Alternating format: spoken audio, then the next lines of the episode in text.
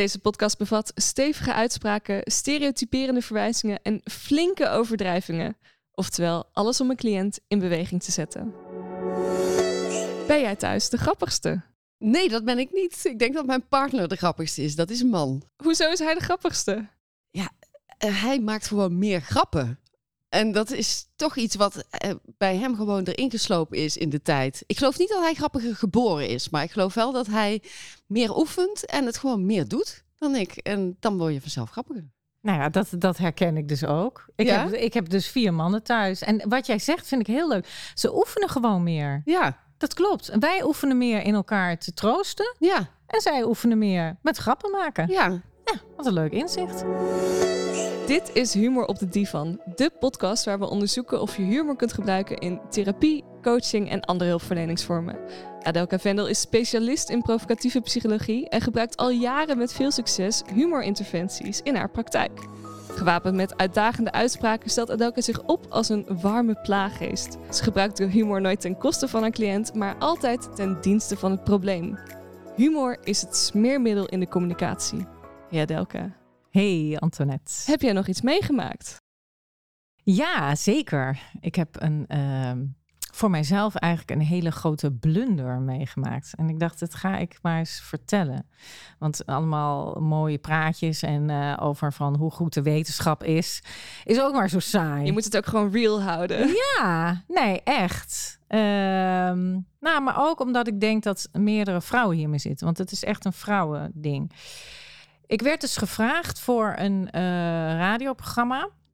En in eerste instantie zeiden ze van... eh, ja, ehm, we willen graag iemand eh, die een kieteltherapeut is. Toen zei ik, nou, dat ben ik niet. Ik hoef niet iemand te kietelen. Dus ik zei, nee, dank u wel.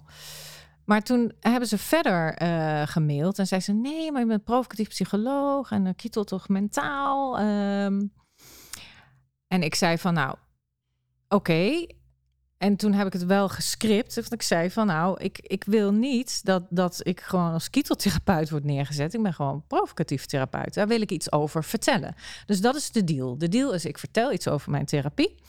En, ehm, ah, en ik kietel iemand en ik vertel het verschil daartussen. Toen kwam ik daar. Moest ik eerst een soort voorstukje doen van eh, ja, oh, we hebben nu een, eh, een, een iets nieuws bedacht. Dus even een voorstukje. Dus ik ging dat doen. En ik had al helemaal voorbereid, want ik dacht van nou, het zijn twee mannen die Mhm. de presenteren.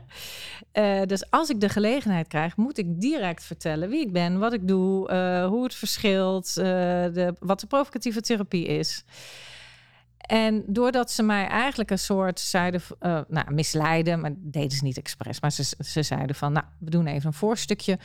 Ehm, gaven ze mij zeg maar twee seconden de tijd. Wie bent u? U bent kieteltherapeut. Toen zei ik van nee, dat klopt niet. Ik ben provocatief therapeut. Oké, prima. Nou, we willen even eh, die meneer willen we even met die meneer willen we even oefenen of die tegen kietelen kan.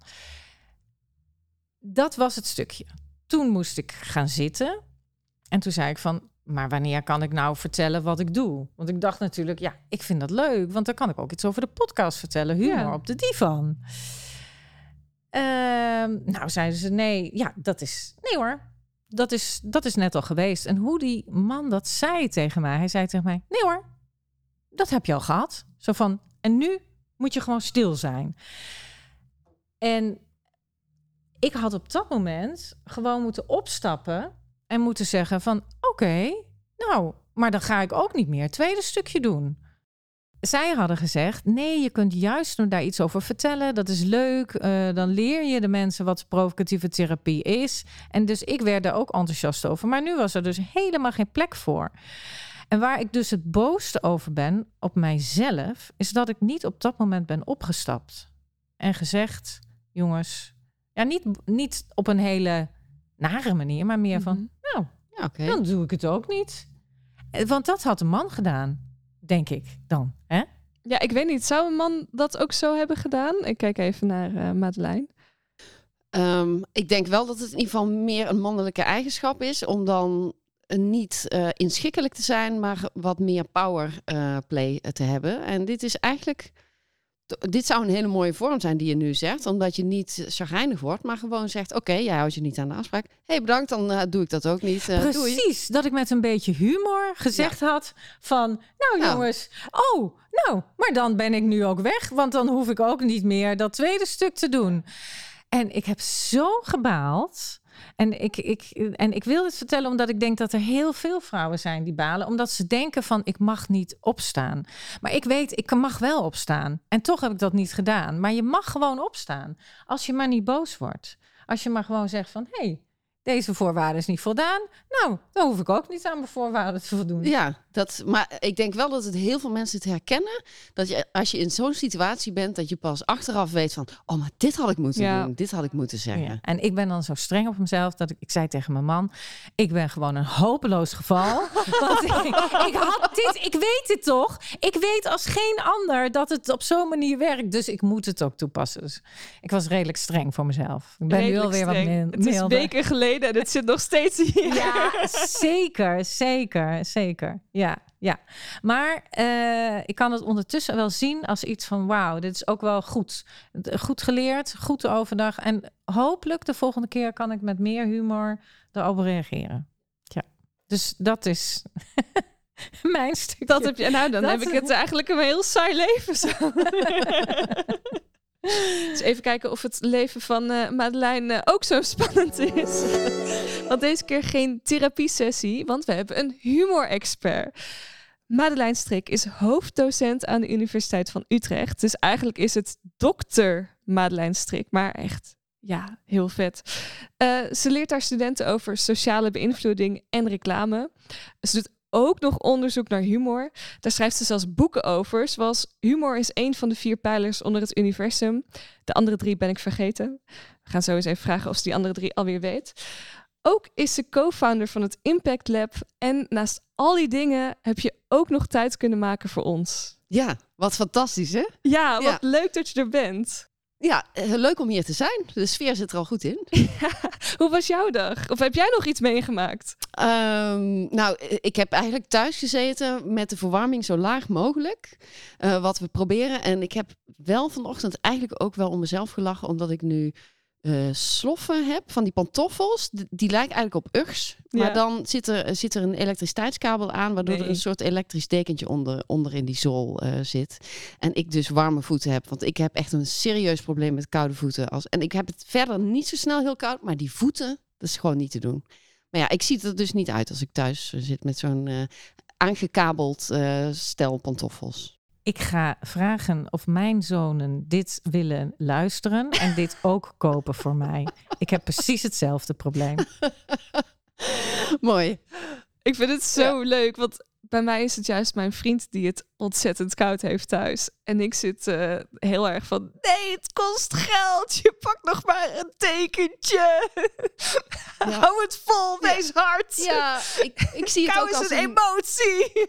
ik zie het ook als een uitdaging. Maar je ziet gewoon, eh, ik zei al, eh, reclame en consumentengedrag, dat zijn ook wel mijn interessegebieden. De markt springt er gewoon op in. Dus ze verzinnen wel weer iets wat wij dan kunnen gebruiken als we de verwarming wat lager zetten.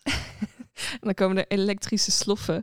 Eh, ik heb wel de elektrische dekentjes, moet ik dan weer eerlijk bekennen. Die, eh, die zijn wel heel fijn. Maar eh, ook heel veel over humor. Wanneer dacht je, ik ga heel veel over humor leren? Ehm, in 2004, om precies te zijn. Ja, Dit dat, moet een super specifiek moment zijn Ja. geweest. Ik, ik, werd, ehm, ik kreeg een baan aan de Universiteit van Nijmegen, toen Radboud Universiteit Nijmegen. En eh, ik mocht onderzoek doen naar reclame. En ik mocht alles doen wat ik wilde, maar het moest wel iets met reclame zijn. En toen heb ik besloten om humor in reclame te onderzoeken. En de reden was dat er een enorme. ehm, ja, er waren twee kampen, zeg maar, op dat Mhm. gebied. Eh, er waren de reclamemakers die bijna altijd heel veel humor gebruiken. Eh, dat zie je ook gewoon in reclame, dat er veel gebruik van wordt gemaakt. En de wetenschap die al 40 jaar lang zei, maar dat werkt helemaal niet. Want eh, humor trekt te veel de aandacht, leidt de aandacht af van het merk, waardoor mensen wel die grap onthouden, maar niet het merk. En dat werkt dus niet. En toen hebben wij eh, samen, ik met mijn begeleiders, dus eh, vier jaar lang 17 experimenten uitgevoerd, waarbij we iedere keer vonden, ja, maar mensen vergeten het merk wel, maar ze kopen het toch. Dus je Oh. brengt ze naar een supermarkt en ze kopen bijzonder. wel die producten. Eh, dus eh, het werkt eigenlijk onbewust, daar kwam het op neer. Dus je denkt dat je het vergeet, maar onbewust blijkt er van alles eh, te gebeuren. En je bent dus eigenlijk positiever over dingen die ge- gekoppeld zijn aan humor. Wauw, wat, wat een leuke manier om daar dan zo in te rollen. Ja, Maar nu is het niet alleen maar één reclame. Nu, ik heb het gevoel dat jij alles over humor weet. nou, de psychologie van humor, ja, daar ben ik eh, dus al wel ja, 18 jaar mee bezig. Ja, dan kun je wel heel wat eh, onderzoeken. En ik heb wel alles gelezen wat los en vast zit. En uiteindelijk dacht ik, ga er ook maar eens een boek over schrijven. En toch ben je niet de leukste thuis. Nee, nog steeds niet. Maar dat is ook wel eh, leuk dat je, je kunt heel veel van humor weten en dan nog steeds ben je niet grappig. Ja, dat is dus echt, dat zijn echt twee verschillende vaardigheden. Ja, want wij, wij zijn echt dan van die eh, wetenschappelijke beestjes die dan heel veel over humor gaan weten. Maar eh, ja, het oefenen. Maar dat is wat jij net zei, omdat vrouwen van jongs af aan daar minder mee oefenen. Maar ik zie wel, bijvoorbeeld als wij in de opleiding, dat mensen allengs ook grappiger worden. Gewoon op hun eigen manier die humor verzinnen. En dat komt doordat het humor volgens mij gekoppeld is aan eh, mensen vrijmaken. Want ik merk dat als ik mezelf niet vrij voel, ik ook minder humor heb. Zodra ik me vrijer voel, heb ik meer humor. En ook verbinding is belangrijk. Dus ehm, ja, ik heb geen slimme conclusie hierover. Maakt niks uit. Oh, maar dit is wel grappig wat er nu gebeurt. Want we hadden het net even toen we nog aan het eten waren over dat vrouwen vaak eindigen met een lach. Ja. En dat gebeurt nu ook. Ja, omdat ik me dan, ja, zo van, oh, nou, dat gebeurt er dan. Ja. En Ja. Zo, zo ronden we dan het gesprek af. Maar Ja, Madeleine... Ik kan daar misschien wel even op Ja, reageren. dan moet ik jou even... Nou, maar Adelka, wat nou wel grappig is, is dat je iets vertelt en uiteindelijk had je gehoopt een conclusie te hebben, die heb je niet en dan begin je te lachen. Ja. Dat, op, dat valt mij op. Ja, en dat is het. Ah, daarom. Want ik merk dat dus bij mezelf ook. Want ik heb zelf zitten bestuderen van doen vrouwen dat vaker dan mannen. Want ik had dan wel gelezen dat vrouwen veel vaker lachen. En inderdaad, op de radio eindigen vrouwen inderdaad met een lach. Ja. Ja. En terwijl eh, bij mannen is dan weer bekend dat ze dat minder doen, maar dat ze wel in het algemeen vaker een grap vertellen. Ja. Dus het is, ja, het, het, het, het- klassieke rollenpatroon is, vrou- vrouwen zijn de lachers en mannen zijn de grappenmakers. Precies. Wat tegelijkertijd ook wel weer heel erg jammer is en stereotyp is. En ik hoop eigenlijk dat we er helemaal van af gaan komen. Maar het heeft te maken, denk ik, met dat zelfvertrouwen. Wat jij ook zegt. Je moet het vaker doen en je moet, het ook, eh, je moet daar zelfvertrouwen in krijgen. En ook, ook daar is onderzoek naar, waarbij eh, mannen en vrouwen in een eh, onderzoek echt grappen moesten verzinnen. Nou, als je dan naar een hele grote groep mannen en vrouwen kijkt, dan zijn de grappen van mannen gemiddeld iets grappiger. Het scheelt eigenlijk helemaal niet zoveel, maar het zijn kleine verschillen. Alleen als je, ze hadden nog meer gemeten, namelijk wat is het humor zelfvertrouwen. Dus hebben mensen het gevoel dat ze dit kunnen. Oh. En als je gewoon kijkt naar alleen de mensen die een behoorlijk zelfvertrouwen hebben, dan zijn die vrouwen weer grappiger dan die mannen. Oh, Gewoon als je binnen die leuk. groep onder, eh, alleen maar onder de loep neemt. Wat, wat eigenlijk suggereert, ja, vrouwen moeten daar gewoon meer zelfvertrouwen in hebben, want dan zijn ze misschien nog wel grappiger ook dan mannen. ja, of in ieder geval, ja, of grappiger. Dat hun, wat, wat ik zo jammer vind, is dat je grappigheid niet naar buiten kan. Dat is zo leuk. Dat maakt het leven zo leuk. Daar sta ik gewoon heel erg voor. Ja. Dus, dus er, dat we die vrouwen wat meer empoweren om, om, om ook die grappige kant naar buiten te laten komen. Dus ik denk ook wel, mannen en vrouwen zullen, eh, zijn verschillend. Hè? Dat weten we. En, eh, er zijn ook genoeg bevindingen over, zelfs, eh, zelfs onderzoek waaruit blijkt dat het brein er verschillend uitziet. ehm, van mannen en vrouwen. En mannen hebben gemiddeld meer testosteron. Wat betekent ook dat ze meer risico durven te nemen. En ik koppel dat ook aan humor. Van ja, Ja. Eh, Ja. een grap maken is ook een risico. Eh, het kan zijn dat het verkeerd valt, dat mensen niet lachen, dat je eh, de aandacht trekt, maar dan vervolgens sta je voor gek als het niet lukt. Je moet daar overheen komen en eigenlijk je realiseren van ja, maar het is gewoon altijd leuk om een grap te vertellen. Het maakt niet uit, weet je. Het hoeft niet. Je hoeft niet de geweldige cabaretier te zijn om gewoon een leuk grapje te maken. Nou, dat is, dit vind ik nou een heel leuk wetenschappelijk fundament Ja. voor een oefening die ik gedaan heb in een training. Een mop vertellen. Daar hebben we het wel eens over gehad. Hè? We, we moesten, ik heb de deelnemers de opdracht gegeven: vertel een mop. En eh, wat ik daarbij ook als opdracht gaf, als iemand een mop vertelde, gaan we sowieso allemaal klappen en joelen. Dus dat maakt het gewoon uh, fijner. Maar ik heb ze ook de opdracht gegeven: oefen goed. Want het is niet dat je het gewoon nu voor de eerste keer, je gaat echt goed oefenen.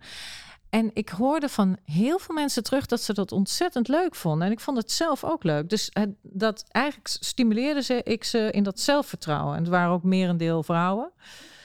En die kwamen erachter van, oh, best wel leuk om Ja. een mop te vertellen Ja. voor de groep. Waar Ja. iedereen naar me kijkt. Ja, Ontzettend leuk en bevrijdend. ja, ja. Want precies. dat kun je gewoon doen. En stel, misschien kun je ook nog iets verzinnen van... als een keer een grap niet goed valt, wat zeg ik dan? Of wat doe ik dan? Je kunt het eigenlijk allemaal van tevoren bedenken. Hè? Dat vind ik zo grappig dat je dat zegt. Ik heb een paar comedy cursussen gedaan. En dit is een van de dingen die je altijd doet. Je zegt altijd van nou, thuis ging niet beter. In Ja. mijn hoofd was hij leuker. Mijn moeder vond hem wel heel grappig. Dat soort standaard zinnetjes kun je altijd gebruiken. Ja, dus het is helemaal niet zo eng. Maar je moet het wel een keer gedaan hebben. Nou ja, en je moet denk ik ook durven af te gaan. En dat is, en dat is wat, hè, dus als we het hebben over het provocatieve coachen, wat mensen moeilijk vinden, is dat ze, ehm, nou ja, het afgaan. Maar nog moeilijker denk ik eigenlijk is dat ze de verkeerde grap maken. In de coachsetting, dat is denk ik anders dan in de reclamesetting, heb je, wil je iemand niet beledigen. En dat is een hele goede eigenschap. En dat hebben vooral vrouwen, maar ook, nou ja, we hebben het nu over mannen en vrouwen, maar je hebt ook mannen die een wat vrouwelijker insteek hebben en andersom. Dus dat bedoelen wij. Ja, en we hebben ook nog non-binaire mensen, maar er is nog weinig onderzoek over gedaan. Dus vandaar dat we nu even mannen en vrouwen als groepen beschouwen. Ja, goed dat je dat zegt. Ja. Eh, helaas loopt de wetenschap nog een beetje achter de feiten aan. Maar dat hopen we over tien jaar eh, opgelost te hebben. We hadden het over coaching en dat je dus lef moet hebben om een grap te maken, maar dat je ook ja, moet incalculeren dat die soms misvalt. En in coaching gaat het dan over niet zozeer dat jij niet leuk bent, want daar is de grap ten dienste van het probleem, wat jij had zo mooi zegt in de inleiding. Maar dat je iemand beledigt. Dat iemand gaat huilen. Of dat iemand gaat, eh, wat trouwens prima is, want ja, huilen is een emotie die er zeker mag zijn in de coachkamer of in de therapiekamer. Maar ehm, ja, en, en daarom zie ik dat mensen dat lastig vinden, omdat ze zo bang zijn om die ander te beledigen. Maar als je het dus oefent, dan zie je, nou, er gebeurt eigenlijk niet zoveel. En dat is een van de pijlers van de provocatieve psychologie, is mensen zijn heus niet zo kwetsbaar als je denkt. Nee. En ik denk ook dat je probeert in je therapie. Hè, ik geef zelf geen therapie, maar dat probeer ik me dan in te denken. Dat je probeert iets los te maken bij mensen die een beetje op slot zitten. Ja, zeker. En juist als er iets gaat stromen, en ik kan me zelfs voorstellen eh, dat er een traan komt. Hè, misschien wel beter dan dat iemand eh, heel bedrukt voor zich uit eh, kijkt en, en eigenlijk helemaal niks zegt of niks, eh, ja, ja, echt dicht zit, zal ik maar zeggen. Ja, en, en sterker nog, als iemand die traan heeft, dan schiet er gelijk een beeld voor me van een cliënte die ik gisteren had. Die ehm, zichzelf zo niet waard vond. Als ze een fout maakte als moeder, vond ze zichzelf zo slecht. En ze moest daar, het, het is echt een, een eh, ja, iets heel diep wezenlijks bij haar. Dus ze moest daar flink over huilen. En wat ik deed, ik ging haar gedachten nog meer overdrijven. Ja. Ik zei van ja, jij zou eigenlijk gewoon verbannen moeten worden. Ze, je kinderen moeten in quarantaine worden of eh, in onder jeugdzorg worden gesteld. Jij zou eigenlijk op een gegeven moment zei ik je moet onder de grond.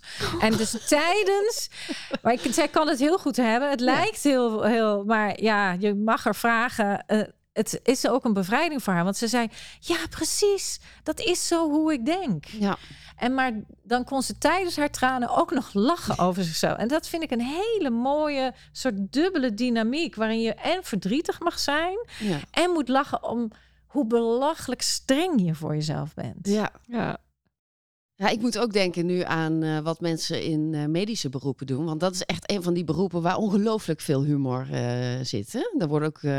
Daar moet ik even iets op Ja. zeggen. Dan mag je, in mijn onderzoek naar humor in therapie kom ik ongelooflijk veel artikelen tegen over harde humor Ja. in medisch, medische precies, wereld. precies. Dat is een harde, vrij masculine wereld.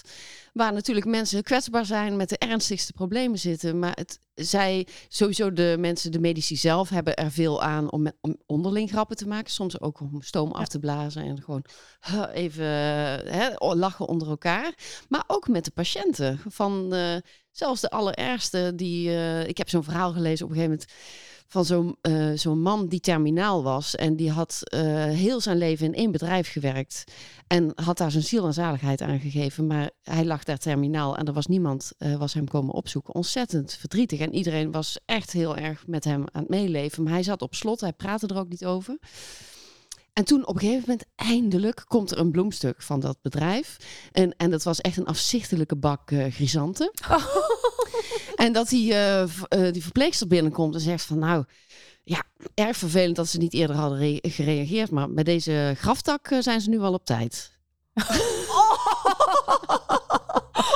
en wat die man gebeurt is gewoon, ja, je kunt, het is keihard. Maar het is wel van die man die, huh, die was helemaal losgekomen en ging over vertellen van ja, ik vind het inderdaad erg dat ze niet hebben contact hebben opgenomen. En sinds die tijd is die man meer spraakzaam over wat, wat hem is overkomen en hoe hij zich daarbij voelt. Ja. En het is ongelooflijk riskant. Kijk, ik zou dat, ik weet niet of ik gedurfd had, ik denk het niet, maar ik denk het wel. Jij zou het wel gedurfd hebben. Ja, ik heb daar ook zeer veel respect voor, want je, je, weet niet wat, wat uh, het effect is, maar ik kan me wel heel goed voorstellen dat het gewoon lekker is van ja ja. Even een goede grap.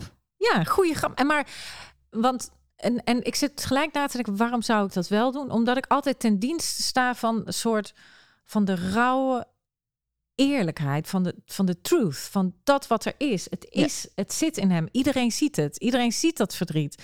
En ik heb een soort missie om dat naar boven te halen. Ja. Omdat ik dat ongelooflijk waardevol vind. Of dat, daar ben ik altijd naar op zoek. Dus vandaar dat ik soms ook um, ja, misschien de gevestigde orde een beetje onder de voeten loop en denk, nou, ik maak hem toch maar die grap. Ja. Al, al is het niet helemaal oké. Ja. En dat is trouwens, daar heb ik nog iets. Dat vind ik trouwens interessant. Dan ben je wel een hak op de tak. Maar ik maak wel, ik maak dus veel grappen over seks. Dat weet Mhm. jij, hè? Mhm. Ehm, maar dat ik soms ook wel voel van dat mannen dat niet gepast vinden. En dat ze me op die manier ook wel weer drukken in de rol van... ja, dat is niet de... Ladylike. Niet ladylike, ja. De, is daar nog iets over bekend? Of weet jij daar iets Nou over? ja, ik denk eh, sowieso bij een vrouw in de tra- traditionele rol is natuurlijk lief, bescheiden, aardig eh, en voorkomend. En daar passen grappen over seks passen daar niet in. Dus als je een beetje een traditionele man hebt, eh, die, die kan dat gewoon niet aan dat een vrouw daarover begint. Want dat past helemaal niet in dat eh, rollenpatroon. Ik, ik had ook een ex en die kon het echt niet hebben als ik grapjes over ons seksleven maakte. Want dan zei ik, ja, maar die mensen die zien mij toch? Ik zei, maar jij bent meer dan twee meter. Hoe kan ik geen grapjes over jou maken? Je was alles zeg maar zo groot in Ja. je houding? Ja, dat was eigenlijk ook de vraag. Dat is wel interessant. Daar zou ik dan ook over opscheppen. Nee, ja, dat is toch een asset van hem? ja, ik ook, hoe, hoe kan dit dan slecht zijn voor je? Ja. Precies. Maar misschien is het ook, ik, wat ik ook denk, eh, en dat blijkt ook uit sommig onderzoek, is dat mannen zich zeer bewust zijn van de feministische zaak, zal ik maar zeggen. Dus eigenlijk graag eh, wel vrouwen de ruimte willen geven om grappig te zijn en om toch een eh, wat stoerdere rol te pakken. Alleen dat ze nog niet zo heel goed weten wat hun eigen rol daar dan in is. Want misschien willen ze wel een keiharde grap terugmaken, maar dat durven ze dan nog niet helemaal, omdat ze denken, ja, kan dat al? Kan ik dat naar een vrouw doen? Dus het geeft ook een soort ongemak en onzekerheid bij mannen, denk ik. Hmm. Ja, ja. Ik vind het altijd wel lekker om, om juist dan mee te gaan in die gesprekken. Dat zo'n mannen van zo'n zo'n zware gesprekken over seks. Daar ga ik gewoon wel eens naast staan. Ja. En dan denkt ze, wat doet dat eh, blonde meisje opeens dan hier? En dan gaan ze expres over hele mannelijke dingen, zoals ze prostaatkanker onderzoeken. Zo, ja, ja, ja, moet je wel goed voelen, hè? En Ja. dan zit ze van, ja, eigenlijk wel. Dan krijgt het opeens een veel serieuzere wending. Dan denk ik, ja, dat is wel belangrijk. Jullie mogen niet doodgaan. Ja. En dan loop ik weer rustig weg. En dan kijkt ze ook van, wat is hier net gebeurd? Ja, nou ja, ik denk dat met veranderende rolpatronen en eh, dat we gewoon ook allemaal een beetje aan het zoeken zijn. En het is ook niet zo erg. Het is ook wel aandoenlijk natuurlijk dat we wel ons best doen om, daarmee om te gaan. Wat ik wel zelf gemerkt heb, is dat ik in het begin dacht van ik moet meedoen met de mannen. Dus, dus, dus waar we het over hadden, over humor op de werkvloer, dat mannen humor gebruiken om eh, meer te concurreren, om te laten zien dat ze de leukste zijn. Status, zei jij, hè, Ja, Madeleine? ja. En vrouwen het gebruiken voor sociale cohesie. En ik heb bij mezelf gemerkt dat ik het ook als een soort status wilde gaan gebruiken, Mhm. maar dat het me ergens uitput. Ja. Dat ik heb besloten van ik ga, ik ga dat niet meer doen. Want dat is. En, en hoezo put het die mannen niet uit, maar mij wel? Dat vind ik dan, dat vind ik dan weer interessant. Dat is interessant. Ja, Ja. nou ja, eh, eigenlijk.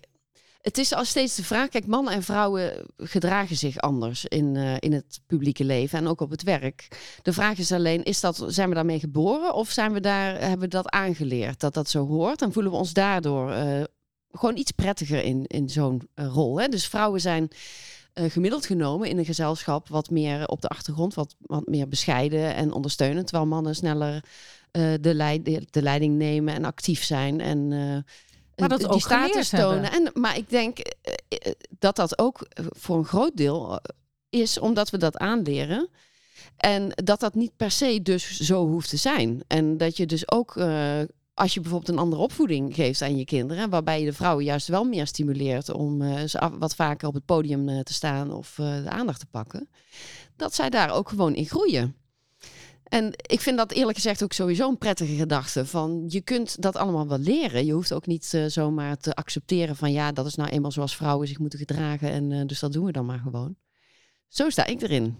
Het is heel mooi, want ik heb eh, laatst heb ik dus eh, met mijn gezin hebben we daarover gehad dat in de jaren zeventig dus vrouwen poppen kregen of eh, nee, juist een pistolen kregen ja. en speelgoed van mannen en en en andersom en vrouwen poppen. Ja. Maar dat heeft niet zo gewerkt. Nee. Dus je zegt inderdaad wel iets over leren.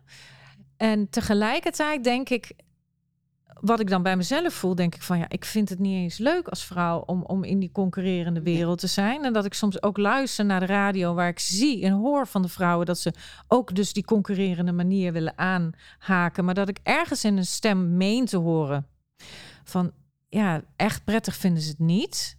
Weet ik niet. Maar er er klinkt een soort moeite doorheen. En dat ik soms ook denk van zou het ook zo zijn dat je als vrouw het ook wel leuk vindt als een man die status heeft. Ja. En stel dat jij nou in een gezelschap degene bent die altijd de leukste is en dat jouw man zeg maar meer tweede viool speelt. Zijn we er dan zelf dan ook niet debet aan dat het zo blijft bestaan? Ja. Ja, interessante vragen, denk ik. Nou ja, ik, ja, ik, ik, ik eh, werk natuurlijk in de radio en ik snap van de ene kant wat je bedoelt, maar ehm, gelukkig zijn er steeds minder van dat soort eh, alfa-mannetjes op de radio die echt, eh, ik ben cool. Gelukkig wordt dat steeds minder. Dat houdt niet in dat er zelfs afgelopen week nog tegen mij is gezegd, goh, wat leuk, een vrouw in de studio. Ehm, Ja, dat is eigenlijk helemaal niet leuk. Ja, nee, ja. Dat is heel normaal. Dat, Nee. dat- ik, ik was ook eigenlijk verbaasd van, nee, maar het gebeurt veel vaker dan dat je denkt. Maar leuk dat je ook weer eens naar kantoor komt. Ja. Ja, Ehm, dus nee, ja, het gebeurt gelukkig niet. Maar ik weet wel van, eh, nou ja, misschien dat dat ook wel zo. Dat als vrouwen met een moeilijke beller, dat zij dan net iets steviger gaan staan. Van oké, ik moet zorgen dat ik de boventoon hou. Ja. Want het is mijn gesprek, het is mijn programma. En dan gaan ze net iets breder staan en dan kappen ze net iets sneller af. Wat een man misschien iets neutraler of normaler zou doen. Ja. Ehm, maar ja, als je dat weet en als je dat doet, denk ik, dat is toch goed? Ja. Want anders gaat eh, weer een man het eh, verhaal houden waar niemand op staat te wachten. Ja. Ja. Dus dan is het toch juist goed dat je er bewust is- van bent om het zo te doen. En er zijn ook genoeg vrouwen die wel dat overwicht al van zichzelf hebben. Ja, dat vind ik interessant. Dat zou ik van, van wat. Want daar zit ook een soort aarding in of soort. Niet te veel van. Want dat herken ik. Dat doe ik thuis ook wel eens. Want ik, ja, ik heb met die mannen. Dus dan ga ik inderdaad breed staan. En dan zeggen ze ook: Mama, je gaat wel een soort in overdrijf. Ja, zeg ik dan. Want ik wil gewoon dat het nu gebeurt. Ja. Maar wat ik dan denk ik vervelend vind, is dat ik daarop aangesproken word. Dat ik zo heel erg. Ehm, hè, en, en vrouwen in het algemeen, denk ik, aangesproken word. Dus dat neigt naar bitchiness. Hè? Ja, Waar- ja, je bent al snel over- een beetje een heks. Ja. Of, eh, of dan ben Ja. je over je toeren. Of, eh, je terwijl toeren, bij, bij een ja, hysterisch, En een man is dan natuurlijk... Ja, als de man dat doet, is dat gewoon volstrekt normaal. Het Ja. gaat over mannen en vrouwen in plaats van over humor. Ja. maar dat is wel leuk, want eigenlijk is dit de van ja, ik doe altijd een roddelronde in mijn eh, training en dan mogen de mannen mogen roddelen over de vrouwen en Ja. de vrouwen mogen roddelen over de mannen. Maar eh, wat is er zo en daarom wat is er zo fantastisch aan hoe mannen humor gebruiken? Eh, goh, moet je even over Nou ja. nadenken. ja, Want anders draaien we hem alleen maar naar ons toe. Want ik vind, ik ben eigenlijk jaloers op ze. Dat ze met zoveel zelfvertrouwen die grappen kunnen maken. En dat ze niet achteraf hoeven lachen. Want ik bewonder dat echt in hun. Ik vind dat echt mooi iets om naar te kijken. Mee eens. ja, dat is wel waar. dat ze gewoon eerder op dat podium stappen. D- daar ben ik ook wel echt jaloers om hoor. Dat zij gewoon denken, ja, maar dit doe ik toch en ik ben hier goed in. Ik heb eh, laatst iemand die zei, ja, maar ik heb nu zoveel jaren ervaring. En toen dacht ik, ja, maar dat betekent niet dat je kundig bent. En dat zeggen ma- mannen vaker van, ik kan dit en ik doe dit. En dan probeer ik elke keer nog heel voorzichtig te zeggen, nou ja, ik doe dit wel eens. Eh, terwijl ik het vaak, terwijl ik het ook wel eens beter doe dansen. Ja. En daar, ja, dat, dat zou ik graag ook willen, meer zelfvertrouwen. Ja, dus wij moeten werken aan het zelfvertrouwen.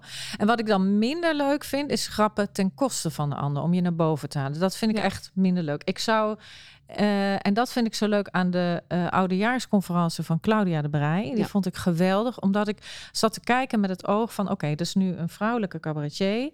Zij brengt die boodschap op een fijne manier. Niet dat ze dat ze het schuwt om dingen aan te gaan. Maar het is niet zo concurrerend. Het is eerder verbindend. En daar sta ik heel erg voor. Dus die verbindende humor. Ik denk dat ehm, ook wel mooi is dat als mannen en vrouwen inderdaad steeds meer allebei grappen gaan maken of allebei grappig durven te zijn, dat het toch best kan zijn dat mannen en vrouwen toch een verschillende stijl blijven houden, omdat vrouwen nou eenmaal niet zo zijn zoals mannen en mannen niet zoals vrouwen, en dat je dus meer ook meer een diversiteit krijgt in wat er op het podium staat, zoals en dat we meer Claudia de Brij-achtige types eh, of misschien meer vrouwelijke humor Ja, krijgen op het podium. Want ik denk, er is natuurlijk. ehm, er is nog steeds een groot verschil. Hè? Er zijn de, de twee keer zoveel, eh, minimaal twee keer zoveel mannelijke als vrouwelijke ja, drie van de vier is man. Ja, Ja.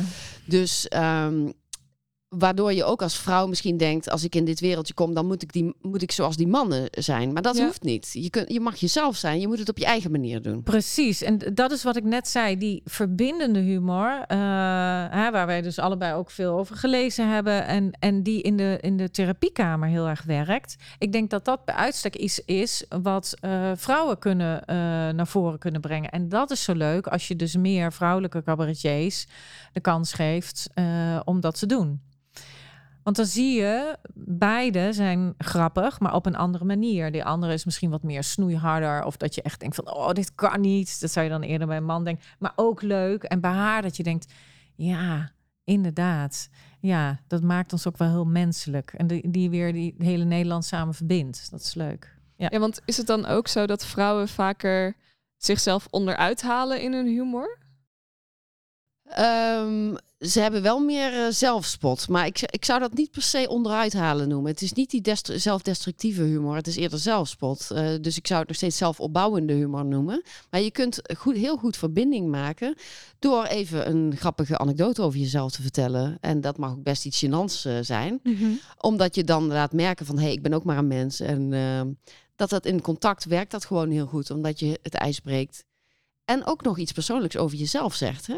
Een an- anekdote is ook veel meer contact maken dan bijvoorbeeld gewoon een mop vertellen. Want een mop zegt niks over jou, over wie jij bent. En dat gaat dan over twee Belgen of zo. Maar als je vertelt, wat ik nou vanochtend... En, en er komt een verhaal over nou, wat je met je kinderen meemaakt... of dat je op je, op je bek ging toen je de trap opliep... Of, eh, dan zeg je dus iets ook over je eigen situatie. En iets wat je echt hebt meegemaakt... en wat jou heeft geraakt vanochtend, zal ik maar zeggen. Ja, precies. En dat is de humor die, die ik leer aan, aan mijn studenten. Dat ze dat eh, leren doen. Dat ze dat, die verbinding leren te maken daarin. En dat is ook zo mooi in dat stukje. Nou, ik, ik geef altijd de Book of Joy mee om te lezen van de Desmond Tutu en eh, de Dalai Lama. Die zitten voortdurend te lachen en te plagen. Ja. En hoe die eh, Desmond Tutu in die reconciliation talks zo ook heel erg niet alleen maar humor, maar dat die verbinding en vanuit die verbinding huilen en dan ook weer lachen naar binnen brengen. Ja. Dat vind ik echt mooi. Prachtig is dat, hè? Ja, Ja. ja. dat vind ik nog een kunst. Ja. Daar heb ik nog wel wat te doen. ja. ja. Maar wat ik ook wel mooi vind, wat je net zei over van die verbinding. We, ha- we hadden het er ook over dat eh, als ik zie dat vrouwen op de social media bijvoorbeeld eh, grappig willen zijn, ze toch meer een soort underdog positie gaan aannemen. En dat dat ook als leuk wordt gezien. Ja, dat vind ik eigenlijk jammer. Hè? Maar is daar iets over te vinden in onderzoeken? Ehm, dan, ja, dat, dat zou ik meer onder die zelfdestructieve stijl eh, zetten. Dus dat je jezelf naar beneden haalt door middel van humor. Ehm, ik heb, eh, er is niet uit onderzoek gebleken dat vrouwen dat meer hebben dan mannen. Mannen kunnen dat net zo goed doen, maar het is wel op een andere manier. Ik denk dat mannen meer sarcastisch zijn over zichzelf. Hè, het is niet Ja. dat van, eh, en vrouwen hebben dat meer zo van, eh, ach, ik ben een beetje een kluns. Ik ben een eh, beetje een kluns. Het klunstypje. Ja, Ja, het ja. klunstypje doet het goed in Nederland. Ik vind dat ook wel eh, cultureel bepaald. En mijn ouders die komen uit Tsjechië. Mhm. En ik zie daar in het Oostblok toch een andere soort vrouw. Die klunsvrouw, zoals hier in Nederland, is iets minder vertegenwoordigd. ja. Ja. Dat eh, mochten we ook wel wat minder hebben misschien. Ja, precies. En eh, dat is misschien ook een, een van de redenen, het is altijd heel complex, dat ik het heel leuk vond om met humor ja, te werken. Ja, en dan doen. meer in, in, in echt vanuit meer krachtige ja, humor, vanuit eh, Verbindende de humor. kracht. Ja. Oké, dus als ik het even samenvat. Sta je op een podium om grappig te zijn, wees dan vooral jezelf. Ja. Ongeacht je gender. Ja. En als therapeut en eigenlijk altijd als je humor gebruikt, doe het om het met elkaar gezellig te maken. En je mag jezelf onderuit halen, maar je mag jezelf niet eh, onderuit halen. Nu zeg ik dat is nog fout. Je mag lachen om Je jezelf. mag lachen om jezelf, maar, maar, je mag niet onderuit maar jezelf halen. niet onderuit halen. Ja. Ja, niet te vaak. Niet Want te vaak. Soms een beetje. Beetje mag wel. Een beetje mag wel. En eh ach, die Engelsen die kunnen dat zo goed, hè? Ja, die, maar dat, dat is heel, heel vaak zwarte humor natuurlijk ook. Hè? Gewoon eh, bittere, bittere spot eigenlijk. Ja. Maar eh, misschien zou je kunnen zeggen, als het dan weer zo cultureel ingebed is dat iedereen dat doet, dan is het ook weer niet zo schadelijk. Dat is gewoon een soort cultuurverschijnsel. Ja, dat is natuurlijk ook zo. Want ik heb, ik heb een tijdje gewerkt veel in de hoek van ongewenste omgangsvormen. Mhm. Daar ben ik ook uitgegaan omdat ik dacht van ja, ik kan daar dat stukje niet kwijt van die lef en soms een beetje zo'n ongepaste grap maken. Want ik, ik wil ook niet mensen beledigen. Maar daar in die cultuur is het, vinden ze het wel heel leuk, maar is het niet zo gangbaar. Nee. Dus daar is het ook wel gevaarlijker om Ja. dat te doen. Ja. En daarom dacht ik van nou, dan heb ik misschien beter een, een plek voor mij die ergens anders is. Ja. ja. Ja, snap ik. Ja. Ja. Dus Ja. ken ook je context en je plek. Ja, context is heel belangrijk. Tenminste, als ik het lees. Alhoewel ik zelf in de behandelkamer zeggen mensen zeggen heel vaak van ja, je moet wel kijken wie je voor je hebt. Maar ik ben, dat is meer uit de praktijk, dat ik denk de eerste klap is een daalde waard. Als ik direct begin met die humor, ja, dan heeft hij ook veel meer eh, bedding om gewoon in die hele sessies en alle sessies gewoon ruimte te krijgen. En gebruik je de humor dan ook niet een beetje om het water te testen? Ja, Kijken hoe ook. iemand reageert? Ja, kijk, ja, maar dat is sowieso dat je kijkt van hoe reageert iemand en waar zitten zijn pijnpunten. Want die Ja. pijnpunten wil ik juist naar boven halen. Maar ik merk ook dat als ik in een gesprek niet snel eh, humor gebruik, dat het ook in de latere gesprekken, dat heb ik wel eens getest door zo'n van ja, door met mensen dus van die eh, vragenlijsten te geven. Ja, dat het dan minder voorkomt. Ja. Oh ja, dus je moet meteen de toon Je zetten. moet meteen de toon zetten. Dat leer ik ook. Maar dat is een beetje dat lef, hè? Ja. Je moet meteen de toon zetten. Ja. En gebruik je dan andere humor bij mannen dan bij vrouwen? Ja, ik, ik ben anders bij mannen dan bij vrouwen. En heel simpel gezegd, denk ik dat ik bij mannen wat steviger mag zijn dan bij vrouwen. En dat zag je in de vorige podcast ook met Jeroen. Ik kan gewoon zeggen, eh, je bent een beetje een sukkel. En bij de meeste mannen is dat oké. Oh, ik vond juist dat je bij Jeroen ook best wel lief was. Je ging hem eerst helemaal ophemelen. Ja, je moet hem natuurlijk even een beetje inpakken. ja precies. Ja, maar dit is ook een een dynamiek. Hè?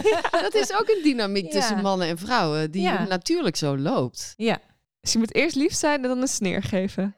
Nou, het is niet de sneer. Het is meer, ik zie het meer als ehm, iets om iemand verder te helpen. Dus even de soort de, de truth. Niet dat hij zo is, maar hoe iemand zichzelf vindt Ja. dat hij is. Ik vind niet, jij bent, een, eh, jij bent een hopeloos geval, maar dat vind jij jezelf. En daar ga ik op aan.